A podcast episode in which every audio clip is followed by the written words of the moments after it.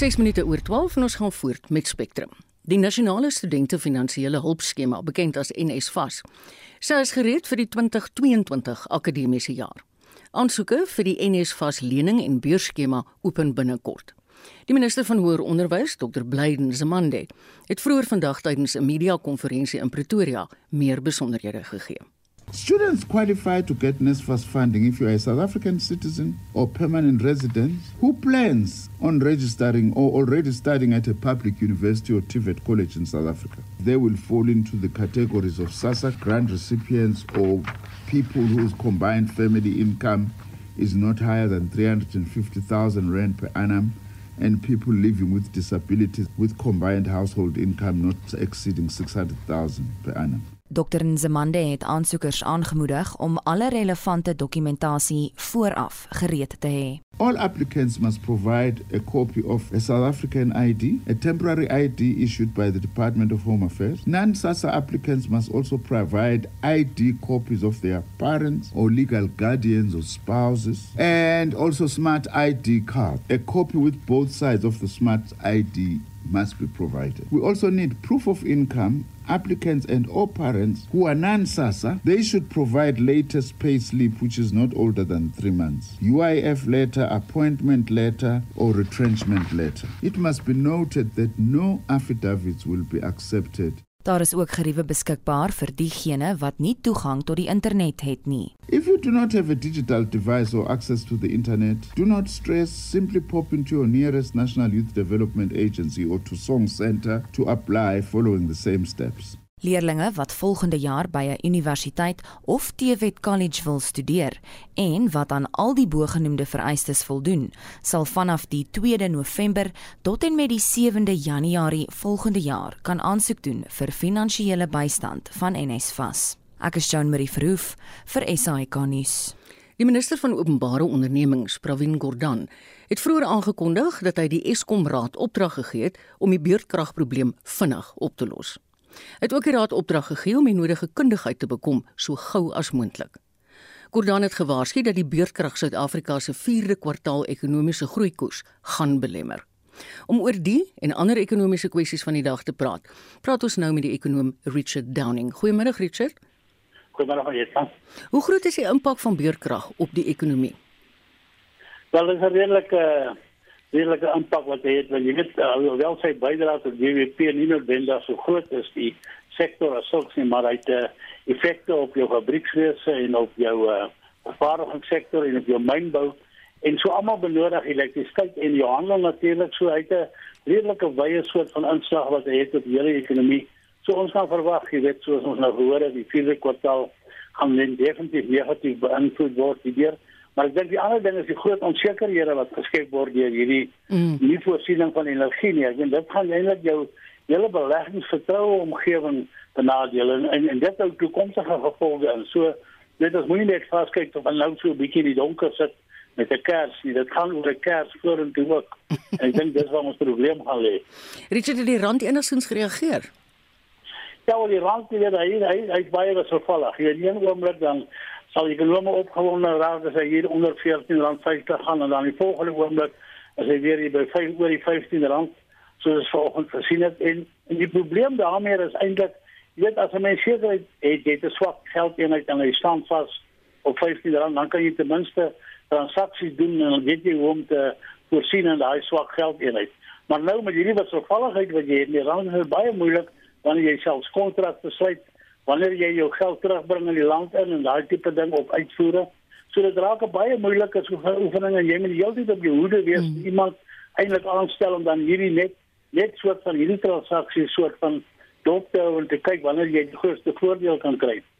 So die rand word definitief baie negatief beïnvloed en ook deur uh, inflasie en al die tipe van dinge en ons te van meerdere dinge met die buiteland en en dis meer. Richard, hoe lank kan die Suid-Afrikaanse ekonomie nog beurtkrag dra voordat dit totaal in duie stort? Ja, dis 'n moeilike vraag. Ek dink ons is op die afdraande pad, jy weet, met hierdie beurtkrag. Wat 'n lang pad kom, jy weet, en behalwe nou dit is daar ander faktore wat nou net bo-op gegooi word en eintlik die hele probleem 10 10 keer een baie keer vererger. Mm. En ons het nou ook hierso die groot die produksiepryse gesien, jy weet, was redelik besig is om te versnel. Jy weet van verlede maand af 7.2 en in terme van fabrieksfees 7.8.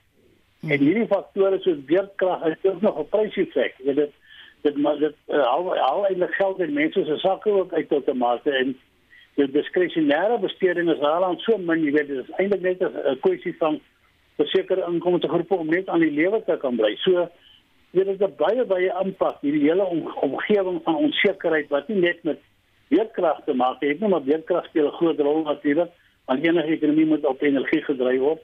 Maar dis 'n hele klomp kettingreaksies wat aan die gang gesit word hiermee. En ek dink dit is so maklik om te sê ons gaan nou gesels en weerkrag vinnig oplos. Dit is nie van 'n storie nie. Mm -mm. Want die die aanloop van hierdie ding het 'n het 'n wesentlike uh, eintlik 'n uh, verkeerde besluit in die verlede gewees. Besluite in terme van stakings by kragstasies, in terme van natsteenkool stories en al hierdie tipe van dinge wat ons heeltyd maar hoor. Jy weet en dit is eintlik bygedra aan dit maak dit baie moeilik vir die mense wat heiliglik die hele proses bestuur om hulle pad te vind uit hierdie warboel van goed uit. En oh, mens kan nie noodwendig mense nou blameer wel as dit maar die die aanloop tot hierdie hele ding kom 'n hele lang pad. Weet jy mense praat hier van 15 15 jaar en meer selfs mm. weet en dit is waar ons probleem lê weet ons kyk kyk vir die oomblik ons leef vir die oomblik maar ons is nie regtig in, in, in staat om die pad vorentoe te sien. Ons beplan nie. Dan wil ek ja. vir 'n ander ekonomiese nuus is die produsente prysinflasiekoers deur Statistiek Suid-Afrika aangekondig. Hoe staan sake daar? Wel, soos nou net gesê, jy daar is 'n toename maand op maand, hy was 7.2 gewees in Augustus, ons is op na 7.8 wat 'n redelike baie verskeidenheid faktore het wat dit eintlik dryf. Nou verlede jaar hierdie tyd, jy weet met die totale prysverhogings wat jy gehad het in terme van die COVID voorheen en staan dit mag gestaan op 2.5 jy weet ja. ons praat hier van die finale uh, vervaardigde goedere. Die pryse vir hulle maar dan moet ons ook gaan kyk na ander komponente van die van die groot handelsprys jy weet dis so intermediêre vervaardigde goedere. Dit is nou vervoer ge, uh, goedere wat inkom by jou hek voordat jy finale verwerking doen hulle voor hy uitgaan daar sien ons was die stygings omtrent 20% so jou hele vervaardigingssektor sit opgeskep met 'n groot prysstygings in terme van al goedere wat inkom in die fabriek en voordat dit verwerk word. Dan sou dit natuurlik met die elektrisiteit en water waaroor ons nou net gepraat het, die gevolge daarvan. Ons sien hier 23% stygings per jaar tot by September. Ek meen dit is gigantiese syfers as jy lande sou sê, jy weet in terme van as 'n mens dink dat uh, jy ons sit met 'n verbruikersinflasie van ongeveer 5%. Mm. Maar hier is ons besig om die proses om die hele kettingreaksie aan die gang te sit vir 'n proses van heelwat hoër inflasie. Ja, dis wat. Wat hoor, er binne gaan uitkoop daar geboor rentekoerse, jy weet mm. so nou gaan nog 'n stryd voer om jou om jou skuld op te betaal later. Jy weet so dit is 'n hele proses. Mynbou natuurlik het weer omgekeer hier sê. Ja. Hierdie jaar het pryse daar gestyg hier met 36% en jy het uh, op en af gespring van blydskap. Jy weet maar vir jaar sien ons styg daai pryse maar met 2%. Nou dit is goed vir jou vervaardigingsproses.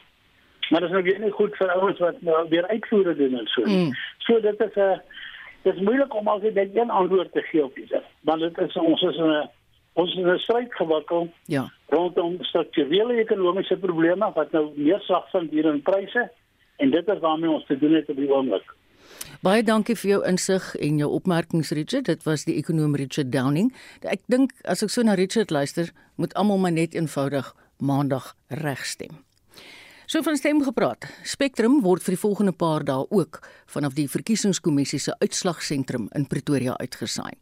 Susan Paxton sal ons op hoogte hou van die jongste verkiesingsnuus en uitslae. Ons skakel nou oor na Susan.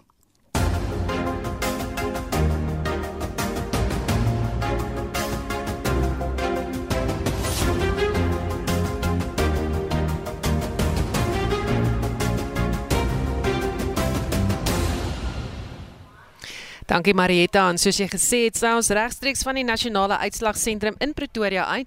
Dit is geleë by die Pretoria skougronde en jy behoort in die agtergrond te hoor dat dit redelik besig is.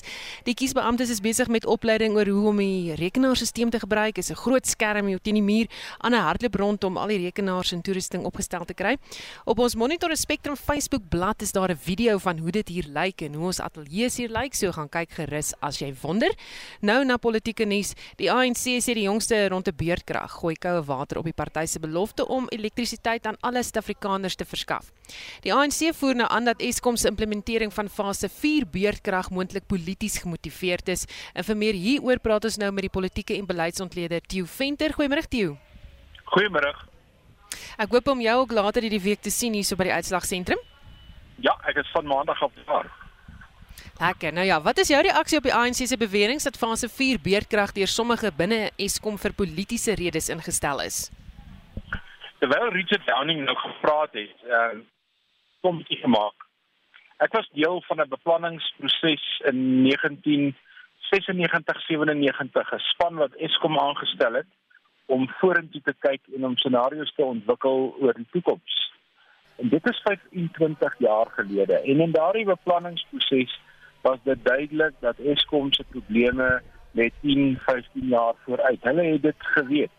Met ander woorde, as ons nou skuld moet toeken aan wie nou, dan is dit beplanning by Eskom wat verkeerd geloop het. Dit is staatsondernemings wat um, onderworpe was aan staatskaping en 'n klomp swak bestuur en dit is veral die prys wat ons op die oomblik betaal is veral vir 'n periode wat omtrent begin het saam met Brian Molefe waarin die kraglewering in Suid-Afrika gedoen is ten koste van die masjiene wat dit vir ons moes doen. Hulle het die masjiene so hard gewerk dat die instandhoudingsprogramme wat daar vandag aan die gang is amper nie kan bybly om die stelsel op dreef te hou nie. Jou die kort antwoord op die ANC se vraag nee. Ek dink daar's geen interne sabotasie of 'n derde mag al hierdie normale goed wat gewoonlik die skuld voorkry nie. Hierdie is eenvoudig 'n uh, swak bestuurde staatsonderneming oor die laaste 25 jaar. Dis die probleem. Die ANC sê hy is bekommerd omdat beerdkrag nie ooreenstem met die party se verkiesingsbeloftes nie. Wat is jou reaksie daarop? Oh, ek is so bly hulle sê dit want dit beteken dat die bestuur van Eskom neem besigheidsbesluite en hulle neem besluite in beste belang van die land en nie in die beste belang van die ANC se verkiesingsbeloftes of die ANC se eie program nie. Ons moet onthou daar is 'n onderskeid tussen die ANC as party en die ANC as regering.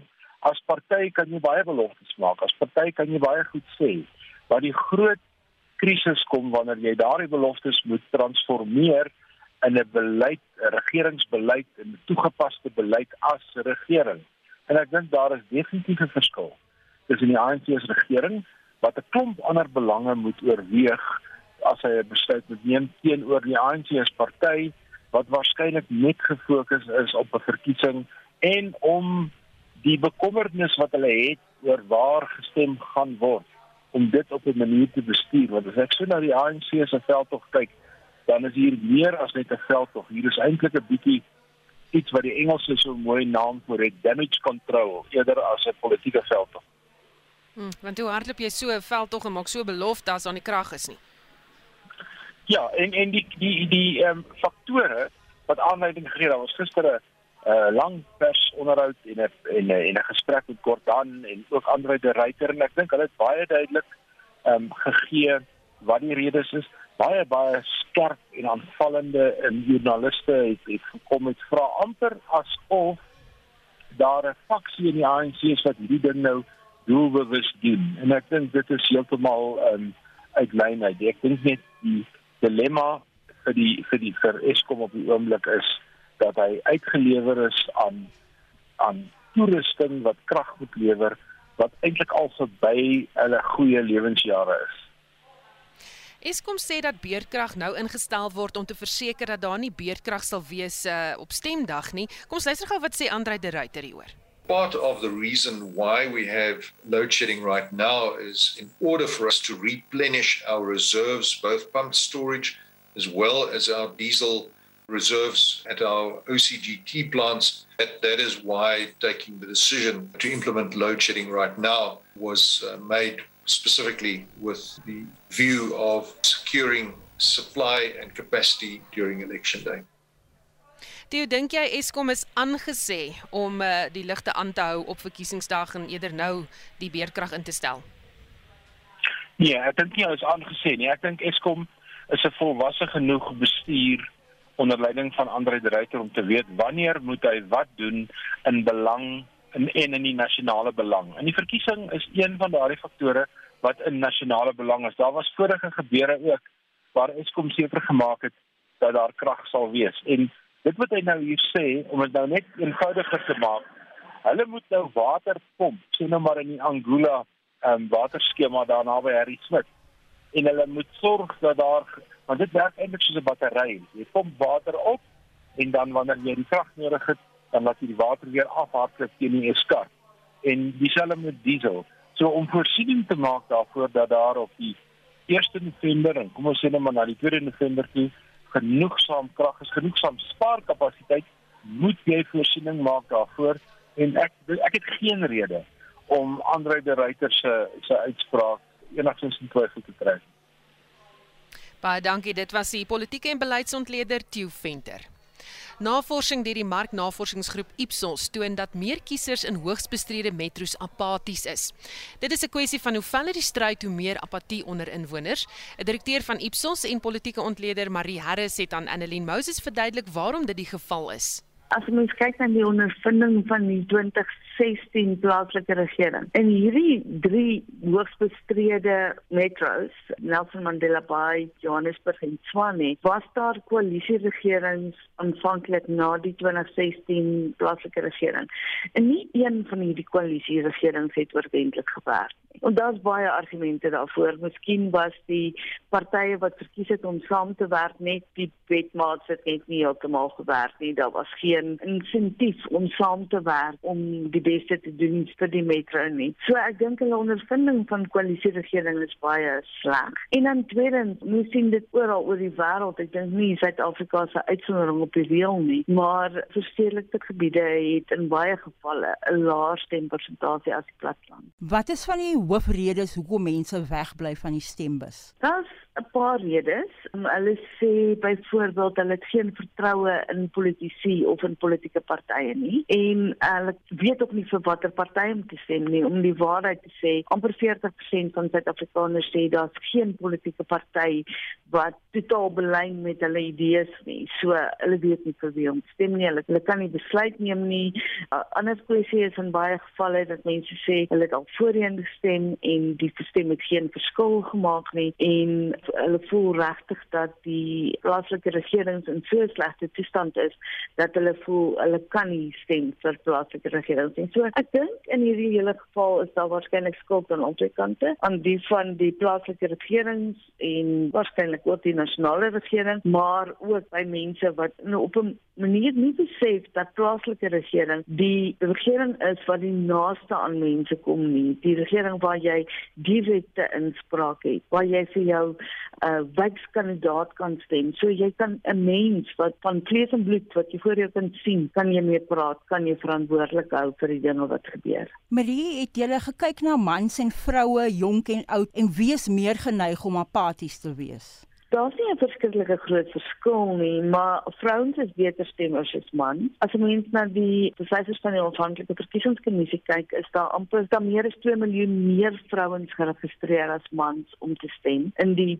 26.2 miljoen mense wat geregistreer is. Dan jong mense is nie baie geneig om te stem nie. Om die waarheid te sê, ek dink nie daar gaan maandag 'n verskriklike groot hoeveelheid jong mense opdaag om te stem nie. Hulle voel in baie gevalle dat hulle 'n uh, ander vorme van demokratiese uitdrukking gebruik. Baie van hulle voel dat hulle nog studente is, dat hulle nie daarom nie kan stem nie want hulle is nog nie deel van die werkersgroep nie en gepraat van die werkersgroep in Suid-Afrika. Daar's ook 'n hele groep mense wat sê hulle weet nie waarom hulle moet gaan stem nie want hulle het nie werk nie. So die hele werkloosheid kwessie het 'n groot invloed op mense se eh, bereidheid om te gaan stem ook. In julle navorsing oor watter partye meer suksesvol kan wees om mense te mobiliseer, lê die ANC en die DA kop aan kop. Wat kan ons hieruit lees? Wat daardie syfers sê is dat dit makliker is vir beide die ANC en die DA om hulle mense te motiveer om te gaan stem. En daar is partye wat regtig sukkel, soos die EFF byvoorbeeld om hulle ondersteuners te sover sover te kry om te gaan stem. En dit het natuurlik 'n negatiewe effek op die hoeveelheid steun wat hulle by die stembus trek.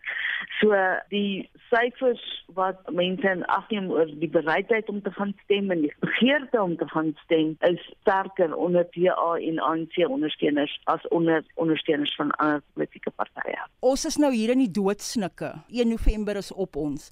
Wat dink jy moet politici op hierdie stadium vir mense sê om hulle sover te kry om maandag te gaan stem? Ek dink politici moet vir mense sê dit maak nie saak vir watter politieke party jy gaan stem nie, gaan stem net. Sodat daar 'n uh, ordentlike stempersentasie is dat die legitimiteit van ons demokrasie bo alle twyfel bestaan. En onthou dat jy die plaaslike regeringsverkiesing die een is waar jy regtig regstreekse inspraak het in demokrasie en dit was 'n direkteur van die marknavorsingsgroep Ipsos en politieke ontleder Marie Harris en sy het met Annelien Moses gepraat. En as jy wonder waar ek is, ek is hier in Pretoria by die nasionale uitslagsentrum waar eh, die stemme getel gaan word en ons gaan vir jou alles regstreeks van hier af bring soos dit gebeur op verkiesingsdag en daarna. Nou die verkiesing vind maandag plaas en baie mense is nog onseker vir wie hulle wil stem en hoe hulle die verkiesing moet benader. Sommige is selfs van mening dat hulle nie gaan stem nie. Ons praat nou met die dekaan van Geesteswetenskappe by Akademia Professor professor Pieter Dievenage. Goeiemôre Pieter. Goeiemôre Susan. So hoe verskil die verkiesing maandag van die nasionale verkiesings? Wel, uh, kyk die die nasionale verkiesing wat ook met die provinsiale een saamval, uh is op een dag en die volgende een is in 2024. En kyk daar stem 'n mens proporsioneel. Uh, jy stem nie vir 'n spesifieke persoon in 'n wijk of 'n kiesafdeling nie. Dis nou by die nasionale en die provinsiale. Die interessante in in ons verkiesingsopset is dat maandag is nou vir plaaslike regering en dit is heeltemal op sy eie nê. Dit vind nou in 2021 plaas en dit is 3 jaar. Dis 2 jaar na die vorige uh, nasionale verkiesing en is 3 jaar voor voor die volgende ene. En ek dink dit is simbolies baie belangrik dat die plaaslike regering sy eie kiesdag het en kiesers moet dit baie ernstig opneem want en ek wil met die insetsel ehm um, net hier voor my uh, bydra saamstem.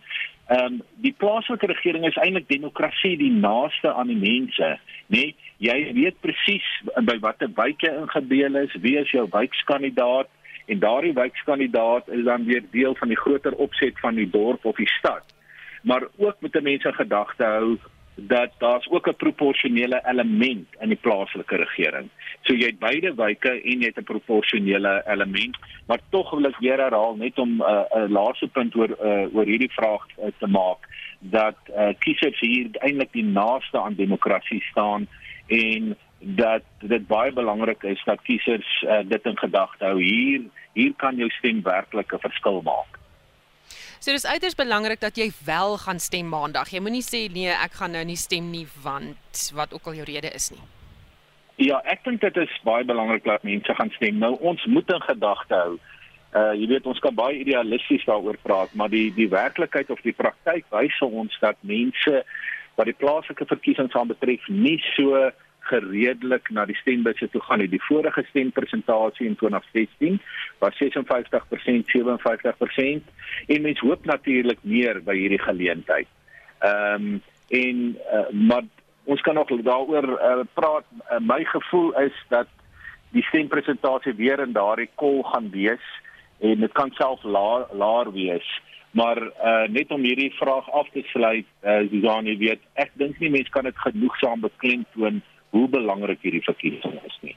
En dat jy soos ek gesê het uh, uh net hiervoor dat jy weet wie jou wijkskandidaat. Jy kan daardie persoon verantwoordelik hou en jou stem kan werklik 'n verskil maak en dit is demokrasie op die laagste moontlike uh, vlak. Party mense verwys ook daarna as demokrasie by die snyvlak, net daar waar jy kan konkreet sien werk my dorp, werk my stad. Ehm um, is die sypaadjies skoon, is dit veilig, is is die paaie goed versorg. Nee, dit is presies daar waar jy jou wijkverteenwoordiger en die stad kan verantwoordelik hou.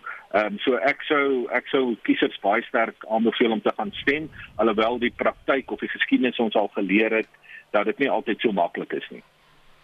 Jy het nou effens daan geraak, maar hoe benader mens hierdie verkiesing? Hoe kies ek vir wie ek gaan stem?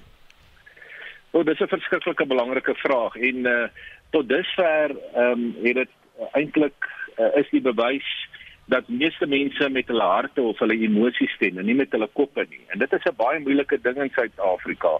En ek sou ehm um, graag wou sien is weer miskien idealisties dat mense met oop oë in die verkiesing ingaan. Dat hulle kyk na hulle wijk. Wat gaan in hulle wijk aan in hulle dorp of stad?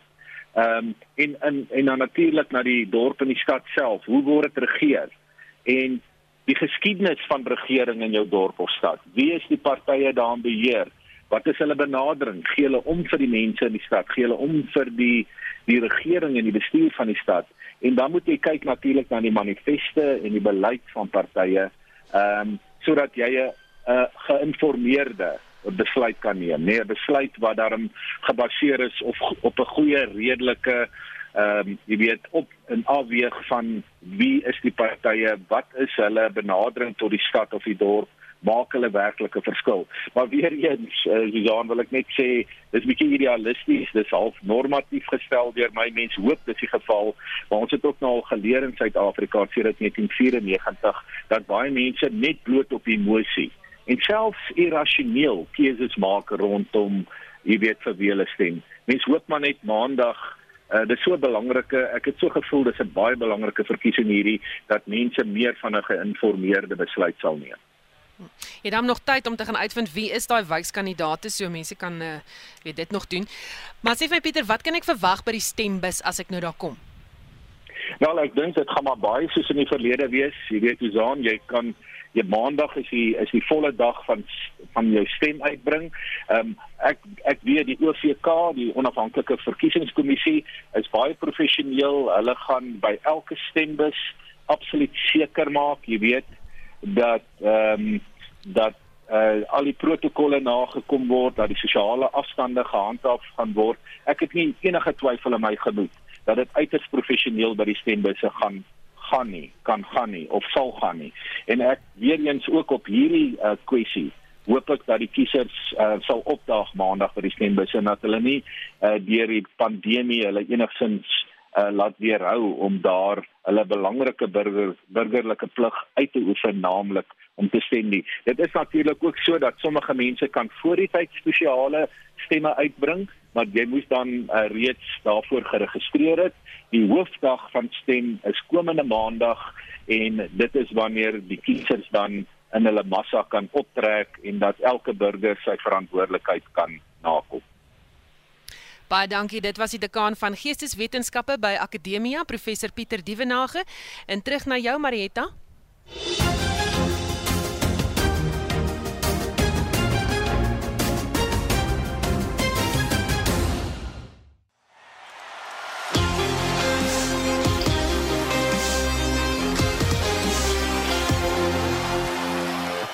Jy luister na Spectrum, dis so 22 minute voor 1 en jy ken daai kenwysie. Pieter van der Berg kyk vir ons wat in die T20 Cricket Wêreldbeker aan die gebeur is. Pieter, vertel ons 'n bietjie meer. Ja, baie dankie Marita. Dit is die opwinding wat eenvoudig net nie ophou nie voor ons by vandag se aksie kom. Kom ons loer net geweer na gister se twee uitslae. Uh, dit was in Abu Dhabi beide wedstryde gespeel en in groep 1, dit is waar Suid-Afrika natuurlik ook betrokke is. Daar het Engeland en Bangladesh kragte gemeet. Nou Bangladesh, hulle het uh, die lood gewen, besluit om te kol, maar Mohin Ali, hy het sommer sy eerste bal weer twee paaltjies plat getrek en Taimal Mills, hy het in sy laaste bal weer het hy ook twee paaltjies uit twee kunsbal met ander woorde twee paaltjies met twee balle En uh, ja, dit het die uh, wind so 'n bietjie uit die seile geneem van Bangladesh. Engeland, hulle het gaan kolf en 126 aangeteken in antwoord op die 124 vir 9 van Bangladesh en Engeland het net twee paaltjies verloor. Jason hy was die speler van die wedstryd met sy 61 van 38 balle wat 5 vure en 3 sesse ingesluit het. Dit beteken dat uh, die uh, span van Engeland seef hier daar met 8 paaltjies. Nou gister het die bal beslis die praatwerk gedoen Marita. Die tweede wedstryd was 'n groep 2 wedstryd ook in Abu Dhabi. Mm en ons uh, buurman in Namibië. Hulle het gestaan gekom teen Skotland. Nou Skotland, hulle het daar eers gaan kolf 109 vir 8 aangeteken en die rede hoekom hulle net 109 gekry het was Ruben Trimpelman. hy het daar in sy eerste bal weer kan jy glo 3 paaltjies so pad getrek en uh, ja, dat jy in jou eerste bal weer 3 paaltjies in teen 20 verloor, dan moet jy weet jy's in diep diep diep moeilikheid.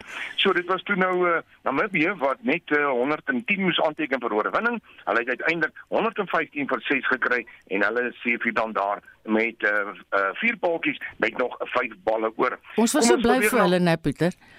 Ai ai ai, wie dit is so lekker om te sien dat Namibië so briljant Ja. vaar. Natuurlik is daar 'n Suid-Afrikaner of 2, 3 wat ook 'n bietjie diens doen daar, Mm. maar dit dit daar gelaat om in die Super 12, die top 12 cricketspelende lande in die wêreld so te vaar, moet ek vir jou sê is 'n uitstekende prestasie en hulle speel dan nou uh, weer hulle is wanneer weer in aksie. Sommige binnekort, uh, Sondag ja, speel hulle teen Afghanistan. Nou kan jy glo as hulle vir Afghanistan ook gaan pak gee, dan is hulle sommer skielik hierop. Ek wil amper sê op pad na die halfwyd toe, wat heeltemal nooit op die kaarte was nie, maar nou ja, dit is nog 'n hele entjie voor dit gaan gebeur. Kom ons loer net na vandag se wedstryd. Dit is Australië teen Sri Lanka, 'n grootte in groep 1 waar Suid-Afrika ook is. Mm. En uh, nou ja, ons moet nou maar hoop dat uh, ek weet nie, jy weet, ons speel Saterdag teen Sri Lanka. Miskien moet Australië vandag verloor teen Sri Lanka en dan gee ons Sri Lanka Saterdag pak wat vir ons op die uh, Ja. puntetabel natuurlik baie baie goed sal wees. So vandag dan Australië teen Sri Lanka om 4uur. Ek sal gereeld verslag doen oor daardie wedstryd en dan môre die Windies teen Bangladesh en Pakistan teen- teen Afghanistan en dan Saterdag Suid-Afrika teen Sri Lanka en die wedstryd daarna 'n baie groot twee van die toplande in die wêreld, Australië teen Engeland. En Marietta miskien net in slotte daardie eh, jongste stand van sake op die puntetabel. Mm. Engeland, hulle het twee wedstryde reeds gewen. Hulle het 4 punte in groep eh, 1. Sri Lanka en Australië is tweede en derde met Suid-Afrika vierde, maar ons het natuurlik een wedstryd verloor. En dan in groep 2 is dit Pakistan wat twee wedstryde gewen het. Hulle het 4 punte met Afghanistan en Namibië tweede en derde en Nieu-Seeland daar vierde. Selfs Indië is onder Namibië. Maar nou ja, soos ek sê, dis nog 'n lang paadjie, 2 en 'n half weke van nou, die uh, Sondag die 14de word die eindstryd gespeel en ons gaan natuurlik ons luisteraars hierdie 2 en 'n half weke mooi op datum hou van gebeure. Maar daarmee terug na jou in die Spectrum ateljee. Baie dankie Pieter. Ja, ek moet sê jy hou ons getrou op hoogte van al die sportgebeure.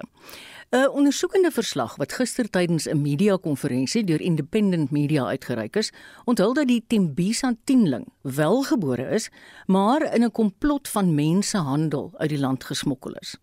In Junie het die mediagroep beweer 'n tienling is gebore, hoewel dit later afgemaak is as vals nuus.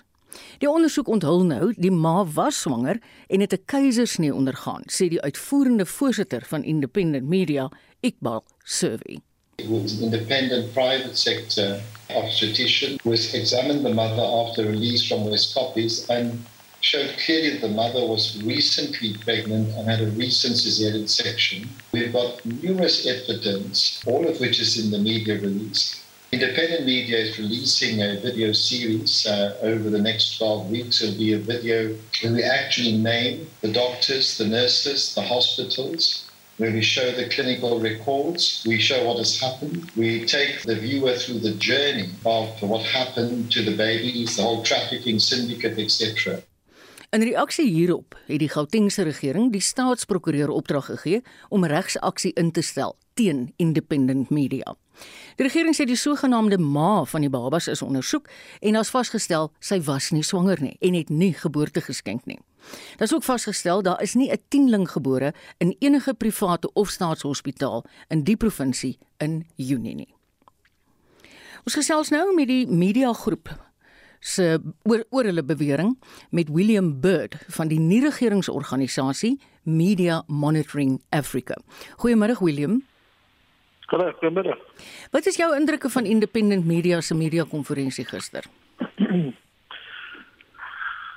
It, it, it's really quite uh, mind blowing uh, on a number of levels because you expected them to reveal some kind of evidence to back up the kind of claims that they were making.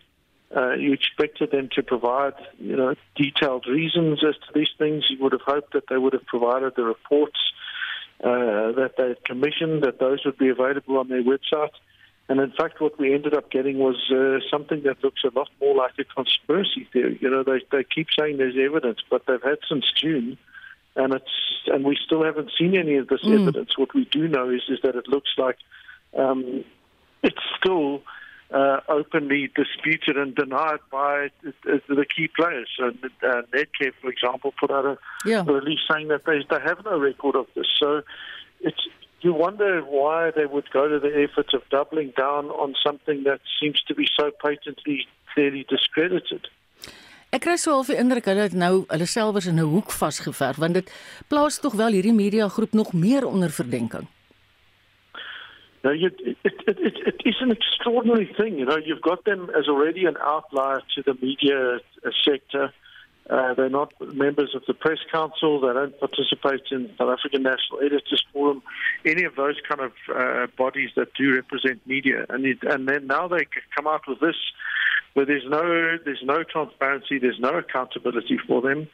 Uh, and, and they just seem to be wanting to dig themselves into mm. an even uh, bigger hole. Plus, you add in this this idea that you know they talk about this Nigerian doctor as though that somehow is a justifiable thing. You know, it, it's it's basics of, of, of reporting that you know unless the nationality is relevant or germane to the story, you don't mention it. Like, yeah. what's the what has his nationality got to do with any of this? You know, mm. so you wonder about what's really driving that. Unless they're going to say, well, you know, we've got clear evidence that the babies were shipped out to uh, Nigeria or something, then then maybe. But again, it's just you, what it does do is it undermines the credibility not just of that media but of all media because people will look at them and go, well, hang on a minute, if they can just make this stuff up and just keep reasserting it as yeah. though it's true, mm. what is to stop the SABC from doing that? Mm. How do we know that what the SABC is telling mm. us is true? Die Gautengse regering gaan nou regsaksie instel teen independent media. Dink jy dis goed vir vryheid van die media?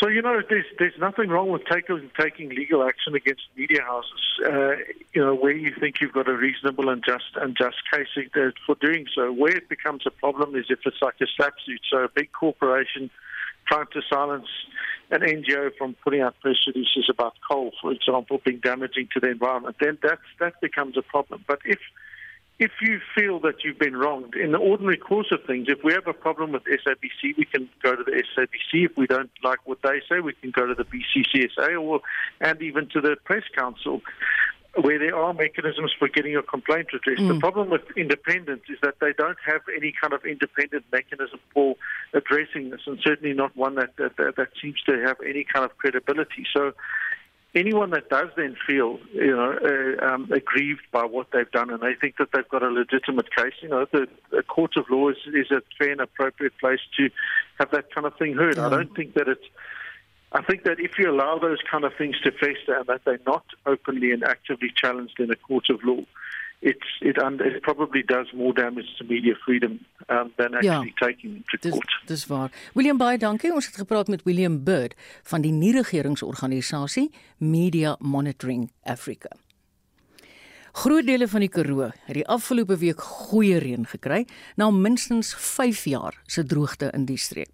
Volgens die departement van water en sanitasie is daar tussen 20 en 79 mm reën gemeet. Nou ons praat oor hierdie gawe onderwerp nou met Agri Wes Kaap se bestuurshoof Jannie Strydom. Hallo Jannie.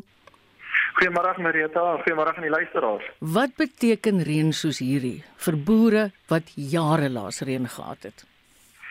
Uh Marita, ek ehm um, ja, ons ons kan net sê daar's ja heers 'n enorme dankbaarheid in die uh, sentraal Karoo en klein Karoo. Ek dink dit is dis dit reg sê 'n minimum van 5 jaar. Daar's dele wat 8 jaar ja. laat uh, ja. hierdie tipe van reën gehad het. Jy weet so ehm um, nee, dit is uh van verlede Vrydagoggend hier 4 uur se kant af het my foon nie opgehou boodskappe ontvang nie maar dis daai tipe boodskappe wat 'n mens graag wil wat ek nou al 3 jaar voorwag ja. jy weet uh, so dit was dis ongelooflik so daar's 'n opgewondenheid daar's 'n uh, daar's entoesiasme nou en uh, daar's hoop nou weer jy weet en ek dink mm. dit is wat hierdie reën reën vir vir vir die boere in die, in die Karoo area gebring het absoluut Janie hoe lank vat dit vir die veld om heeltemal te herstel na so knellende droogte Dit eh, Marieta, ja, ek is nou nie 'n plantkundige nie, maar dit wat ons van ons lede hoor op grondvlak, jy weet van daai bossies sê hulle ehm um, sal 10 jaar plus vat, die wat wel sal herstel, jy weet ehm um, van hulle uh, sal nie herstel nie en en en ander sal 10 jaar tot 10 jaar vat, maar dan is daar nou uit die aard van die saak, ons ken die Karoo ook, hy's met min tevrede. Jy weet so hierdie uh, uh, millimeters wat geval het van van net onder 'n duim na 2, 3 duim op plekke in die Karoo en dit was sagte deurdringende reën, ja. so daar's nie veel mm. verspoeling so goed nie. So ons glo definitief dat die vel die veld uh, uh, uh, redelik uh, sal herstel alhoewel dit mos nou nie onmiddellik gaan wees in in binne 'n maand nie maar ja ten minste is is die vog in die grond en kan dit onttrek word en sal daai plante ja. uh, van die van die van die uh, plante dan nou herstel jy weet so ja uh verseker is daar daar soos ek nou in die begin gesê daar's hoop nou. Ja, ek kan dit heeltemal verstaan. En daar selfs gerugte van meer reën. Ja, ons het uh, toevallig gisterand, uh jy weet uh, die die Karoo en die Klein Karoo val ons nou maar in die, in die somerreënvalstreek en en dit is belangrik dat ons uh, donder weer in daai areas kry. En ongelukkig ja, saam met die goeie nuus het nou gisterand in sekere areas daar van die Klein Karoo het, het het ons nou al gehad wat uh, wat ook sy skade ja. nou uh, teweeggebring het op van die vrugteplase en goed.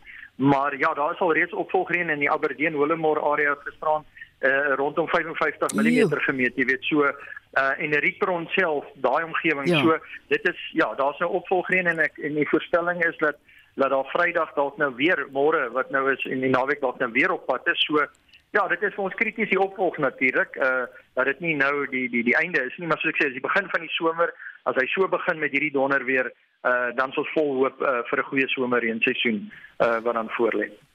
Is daar enigsins boere wat nog steeds droogtehulp nodig het en is hulle betrokke by hulpverspreiding? Absoluut, uh, Marieta, jy weet, uh, ons moet nou nie nou ondankbaar klink terwyl ons nou hierdie goeie reën gehad het nie, maar ek dink die realiteit moet ons net besef dat ja, dit dit reën nie onmiddellik voer nie. Jy weet, so dit gaan tyd vat soos ons in die begin gesels het oor die veld se herstel. Ehm um, so daar is definitief nog behoefte aan droogtehulp en en Agri Weskaap verseker is ons nog betrokke by by droogtehulp. Ons het uh, nou die afgelope 2 maande 'n groot aksie in die, in die Klein Karoo en in in, in Sentraal Karoo gehad wat ons produsente ondersteun het. En ons is baie dankbaar natuurlik ons nou vir uh donateurs want ons is maar uh, afhanklik ja, daarvan om, om om om dit daai fondse te kry. So ja, ons is nog nou betrokke daarbey en uh en ons sal bly ondersteun totdat totdat die veld uh, dien ooreenkomstig herstel het. Ag Janie, ons almal hierso by Monitor en Spectrum is bly saam met julle ouens en met al julle boere en lede van Agri Weskaap. Dit was die bestuurshoof van Agri Weskaap, Janie Strydom.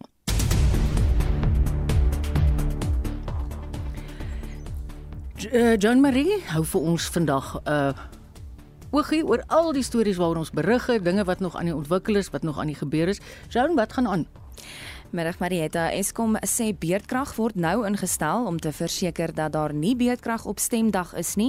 Die ANC is bekommerd hieroor. Die party sê beerdkrag ondersteun nie sy verkiesingsbelofte om elektrisiteit aan alle Suid-Afrikaners te verskaf nie.